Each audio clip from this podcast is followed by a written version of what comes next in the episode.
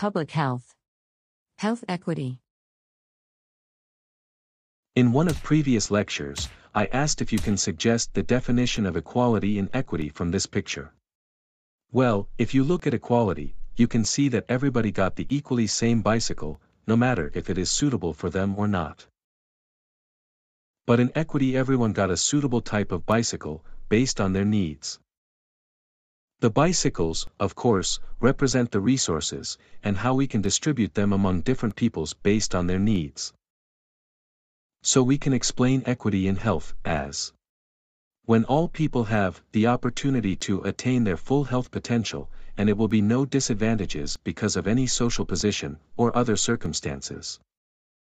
So, for achieving health equity, we need to define social determinants.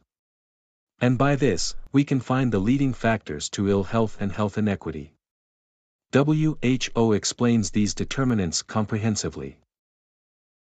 By using these determinants, any healthcare systems can make better decisions for distribution of health and well-being.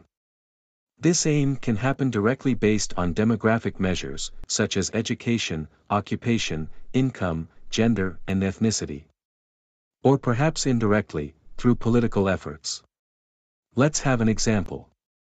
Based on data from Norwegian Institute of Public Health, or NIPH, individuals with the highest education live five years longer than those with the lowest education.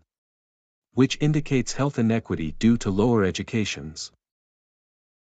Another fact about health inequity is when we compare Norwegian men geographically, we can find that about 80% of mortality variations can be explained by socioeconomic factors.